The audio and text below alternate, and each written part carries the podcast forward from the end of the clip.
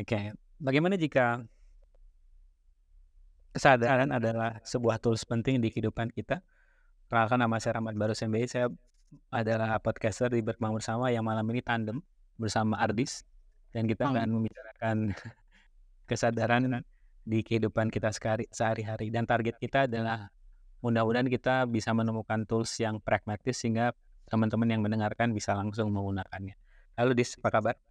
Baik sekali. Gimana Pak Rahmat, apa kabar? Ah, baik, baik, baik, seru, seru. Jadi saya sama Adit eh, apa namanya lagi pengen banyak berbicara mengenai kesadaran karena kami berdua merasakan manfaatnya ketika menggunakan kesadaran di kehidupan em, kita. Nah, eh, seminggu kemarin setelah kita ketemu terakhir, kira-kira ada peristiwa apa nih yang kamu eh, menggunakan, yang akhirnya ketika kamu menggunakan kesadaranmu yang tadinya kayak ribet jadi lancar gitu. Apa-apa yang terjadi se- seminggu kemarin? Coba aku pikirkan terlebih dahulu. Oh, ada deh. Ada nih.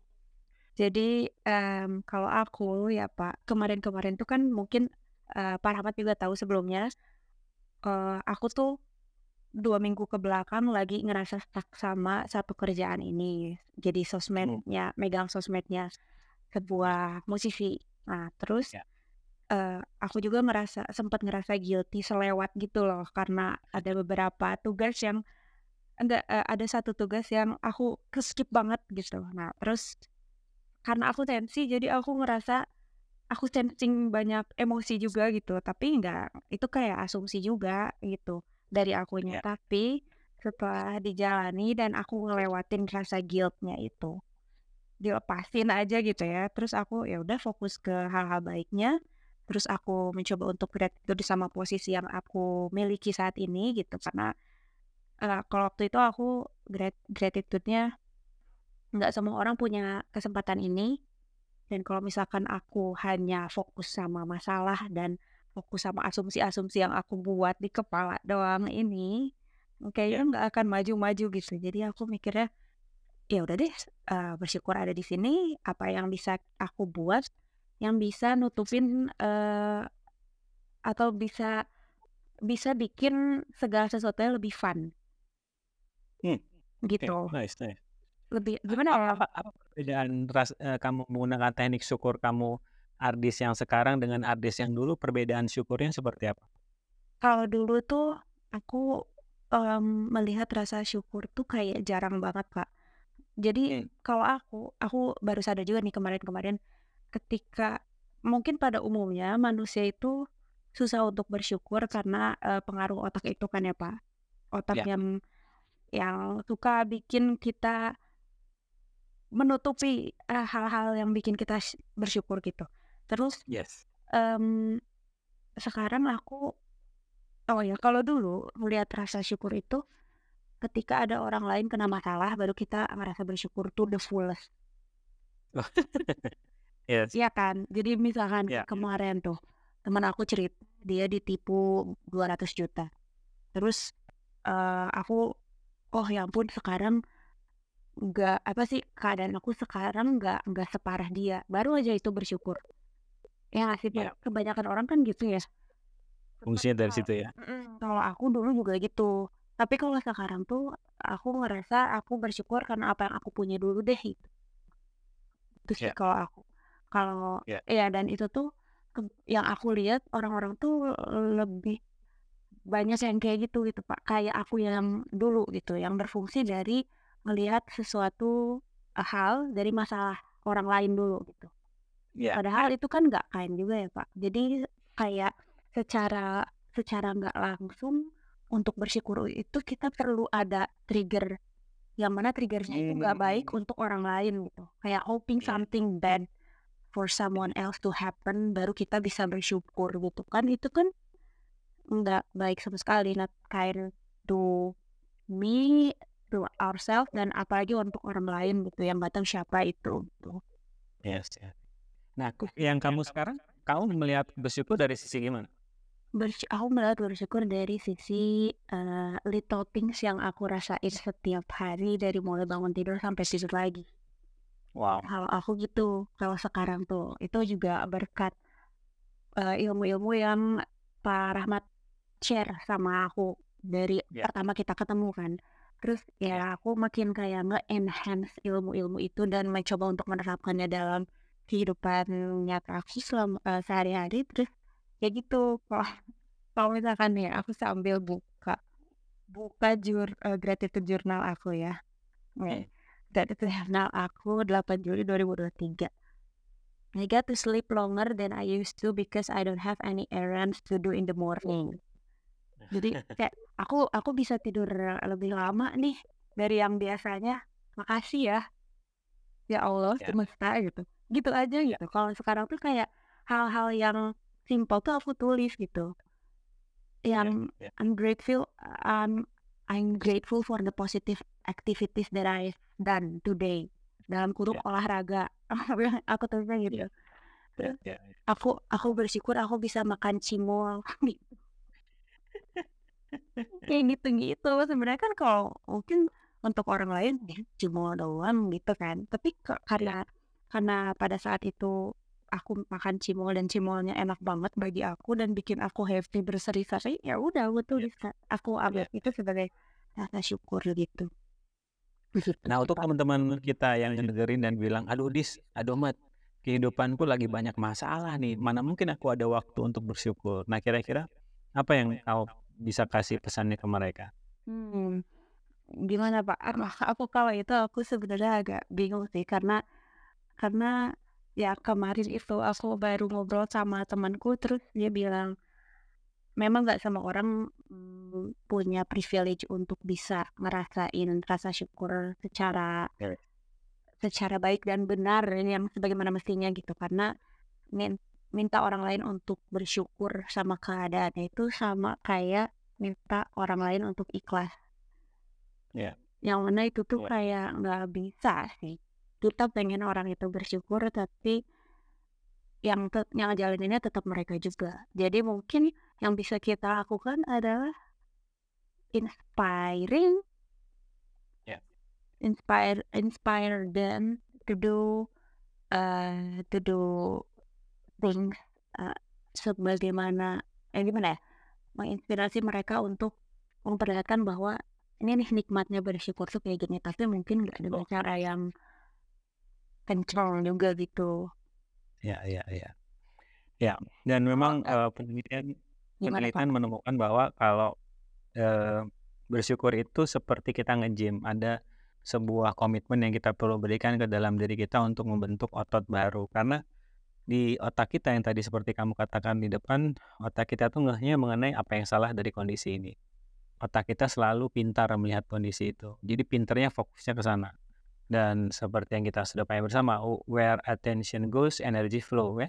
Di mana kita mengarahkan fokus kita, di situlah energinya mengalir. Jadi kalau nggak mengherankan orang-orang di luar sana itu um, ketika ada masalah dan lupa untuk bersyukur, ya karena mereka belum berlatih di kehidupan. Bukan artinya nggak bisa ya, karena kalau dikaitkan dengan penelitian lainnya ada namanya neuroplasticity.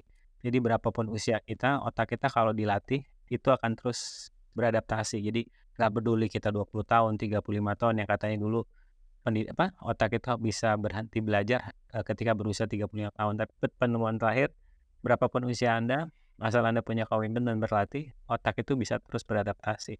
Jadi memang eh, jadi aku juga sering mengingatkan diriku sendiri sih kalau lah iya kamu susah bersyukur ketika ada masalah emang eh, komitmenmu berlatih itu sudah seberapa sering sih gitu.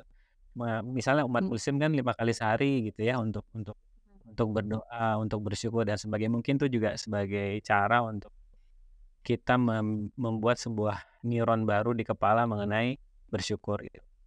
Itu sih. Itu yang yang aku. Apa-apa muncul kesadarannya di yang lain? aku jadi sekarang baru nggak sih Pak baru jadi kayak selama ini tuh sadar nggak sadar kalau kenapa ya bersyukur itu susah kenapa ya bersyukur itu susah gitu kan.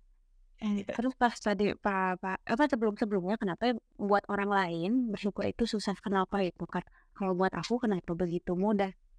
Aku pikir awalnya karena karena secara eksternal mungkin aku give apa ya bukan gifted sih tapi kayak mendapatkan be- beberapa privilege yang orang-orang lain eh, yang tadi aku maksudkan itu nggak punya gitu Aku pikir karena eksternal, faktor eksternalnya, tapi pas aku lihat lagi ke dalam, kalau misalkan ngelihat cuman ngitung dari materinya, aku tuh nggak sebanyak sih gitu.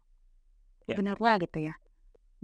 Dan sekarang baru ingat lagi, berarti eh ini comes out within me gitu kan rasa Yes. rasa syukur itu ternyata aku bisa sendiri gitu Ya. gitu nah terus kenapa ya aku bisa tapi orang lain enggak dan ternyata jawabannya ini jawabannya eh karena bersyukur tuh enggak enggak enggak langsung bisa enggak langsung gampang gitu ini dan perlu praktis. Aku kayak "Oh, Yes. iya ya perlu praktis ya. Bener juga sih. Kalau kemarin kayak iya sih bener juga ya gitu. Ngeh kalau emang ternyata rasa syukur tuh harus praktis harus eh, step by step untuk bisa ke eh, tahap di mana eh, bisa merasakan rasa syukur yang bagaimana mestinya gitu. Aku baru tahu baru Nice. ngeh baru ngeh sekarang. dan mungkin eh itu bisa ra- rasa syukur yang hmm, gimana ya Pak? Bukan bermaksud aku ada di posisi di mana aku bisa ngerasain rasa syukur yang lebih baik daripada orang lain enggak. Cuman untuk diri aku sendiri ini tuh progress banget progress Oh, banget dari diri aku yang sebelumnya gitu. Jadi Ya. yang yang aku tanya-tanya dan aku sadarin juga sekarang kenapa aku bisa bersyukur? Ada di titik ini mungkin pertama karena eh, diam-diam aku berlatih gitu tanpa sadar mungkin aku berlatih. Dan yang kedua eh, the curiosity of uh, what inside ourselves gitu loh pak. Ya. karena aku beneran se sekepo itu sih sama diri aku sendiri jadi aku gali terus gimana caranya gimana caranya baca-baca terus gitu ya apa ya yang salah dari diri aku atau apa waktu dulu ya berangkatnya dari situ gitu ya apa yang salah dari diri aku ya? Apa yang hmm, apa yang bisa bikin diri aku lebih happy atau apa yang bisa bikin aku lebih bisa melihat segala sesuatu dengan cara yang lebih positif? Gitu sih. Oh, nice. Yes. itu dulu. Aku tuh selalu memang ada tendensi untuk ke situ gitu. Ya, ya, gitu Nah, ini yang muncul di aku sekarang adalah eh, kesadaran yaitu kalau eh, orang-orang nanya ke kamu atau semacam memberikan kritisi ke kamu, kamu dis kayaknya nggak pernah puas sih jadi orang eh, kayak nggak pernah bersyukur karena melihat kamu yang terus berkarya, eh, terus memaksimalkan potensi. Kira-kira how you handle that condition? Gimana kamu memberitahukan orang-orang yang memberikan judgement seperti itu kepada kamu? Hmm, pertama nggak ada nggak ada nggak ada statement jelek atau buruk nggak ada yang salah atau benar. It's up to their point of view. Kalau misalkan menurut mereka aku kurang bersyukur ya udah. Terus kok kalau sekarang aku jadi lebih mikirnya kayak ya udahlah kalau misalkan kamu mau melihat aku dengan cara itu ya udah aku nggak akan mencoba untuk membenarkan mereka. Yang Oh. penting aku happy in my in my own element Yes. kalau untuk sekarang kayaknya lebih ke situ sih pak. Mungkin pasti akan kepikiran dan menurut aku itu wajar. Em, Ya. tapi aku gak mau terlalu banyak mikirin ke situ sih. Yes. Tuh, karena itu itu kalau misalkan terlalu dipikirin itu ngehambat banget. Ngehambat proses kreativitas aku ngehambat ha- eh, happiness aku em, ngehambat banyak hal lah kecuali kecuali ada kecualinya mungkin kamu bisa eh mungkin aku misalkan ada di posisi itu bisa ngambil hikmah dari eh apa sih kejadian itu dan bentuk hikmahnya itu adalah menjadikan itu sebagai sumber inspirasi dalam karya aku selanjutnya. Misalkan kayak bikin lagu dari kejadian itu atau bikin karya tulis dari kejadian itu tapi yang yang yang ujung-ujungnya ya bikin aku happy gitu Yes, yes, yes, yes. gitu cuman aku Memang eh, gimana Pak? da- dan memang ada yang bilang ke aku, salah satu mentorku mengatakan "Eh, bersyukurlah orang-orang yang mempunyai cara pandang seperti Ardis ini karena kebanyakan orang itu lebih memilih untuk menjelaskan posisinya yang akhirnya terjadilah konfrontasi dan habis waktunya untuk menjelaskan mimpinya ke orang lain. Padahal dengan waktu yang sama eh, kita oh ya menarik ya cara pandang kamu memberikan penghakiman kepadaku. Terima kasih. and then we keep moving on kayak artis itu yang langsung berkarya melakukan sesuatu. Karena seberapa pun kita berusaha untuk menjelaskan asiknya kita mengerjakan mimpi, kalau orang itu secara level kesadarannya nggak nyampe, nggak akan bisa ngerti juga. Akhirnya konfrontasi, berantem. Satu. Nggak ada waktu. Baru ya, Betul. gitu. Iya banget. kamu udah tahap itu keren. Karena itu juga aku kan banyak bertanya juga guys sama Pak Rahmat. Karena selama selama ini juga kan hidupku nggak biasa-biasa aja, nggak yang baik-baik terus kan. Ada beberapa eh konflik juga di dalam kehidupan aku kemarin-kemarin yang aku anggap sekarang sebagai stepping stones karena dulu tuh aku nggak gini sama sekali. Wah, Ya. berbanding terbalik lah. Aku kalau dulu pasti kayak gampang bereaksi in a bad way ya, in a negative way itu gampang bereaksi kayak gampang marah, terus gampang kayak aku tuh mesti jelasin nih kenapa aku marah atau enggak kena ke- aku mesti jelasin nih kenapa kamu salah gitu. Atau juga kayak berantem terus berantemnya itu bergerak dari eh aku salah eh aku benar kamu salah gitu. Itu kan capek banget ya kalau dipikir-pikir kalau sekarang emang bener sih Hmm, emang bener apa kata pepatah diam itu emas. At some point, iya memang bener sih. Diam itu emas. Gitu. Oke, eh, kita udah hampir menuju akhir. Ini kira-kira ada satu eh, step yang pragmatis yang teman-teman para pendengar ini bisa lakukan dis ketika mereka ingin berlatih eh, rasa syukur. Kira-kira apa nih? Satu tools yang mereka bisa gunakan untuk minggu ini. Oke, cobain gratitude journal, teman-teman. Itu yang sangat-sangat ngaruh dalam kehidupan aku. Kemarin-kemarin itu aku sempet kayak capek untuk gratitude journal. Maksudnya untuk nulis eh, gratitude, gratitude apa aja yang aku tuh yang aku rasain di hari itu. Terus rasanya kayak kok bete ya gitu. Karena karena pada saat kita nulis gratitude journal itu kita mengingat-ingat apa aja yang bikin kita senang, apa aja yang bikin kita bersyukur. Nah, mungkin itu. Jadi aku mikirnya, oh kayaknya karena aku eh, lupa nggak count my blessings nih, gitu. Jadi kayak Oh, ya udah, ya udah, ayo aku rapel tuh pak. Jadi kayak Ya. udah yang aku ingat-ingat aja dalam hari itu tiga, biasanya aku kayak 12, 13 kayak gitu kan sehari kalau misalkan hari ini eh, berlalu terus malamnya baru tulis gitu itu biasanya 12, 13 sampai belasan sampai puluhan gitu. Tapi kalau Iya, iya. kalau kemarin karena beberapa hari kayak 10 hari kak kali ya aku nggak nulis gratitude journal itu jadi aku sehari tiga hari tiga hari tiga Wow. kayak gitu nah sampai akhirnya beres beres selesai itu pegal kan tangannya tapi aku I found myself senyum-senyum sendiri Ya. senyum-senyum sendiri karena aku mengingat apa aja hal yang bikin aku bersyukur selama dua hari terakhir itu gitu Wow. Wow. jadi, jadi itu sih Nice. Thank you Dis atas waktunya. Ya. Um, dan teman-teman ini belum seberapa ya dari eh, kearifan lokal Hardis. Asik. apaan tuh apaan tuh apa Karena kami berdua kami berdua punya misi untuk apa ya? em, ya walaupun pun eh, kami tidak tahu apa yang terbaik bagi Anda namun eh, seru loh kalau kami mengundang Anda untuk bermain-main dengan kesadaran karena saat Anda hanya percaya diri Anda dan mempertanyakan semua informasi dari luar tuh kayak kita tuh rasa percaya diri kita tuh semakin tinggi nggak di ke diri kita sendiri. iya banget iya banget Ya. itu sih Oke guys, um, sampai ketemu di episode berikutnya. Sampai ketemu lagi and keep passing fun. Bye bye. bye bye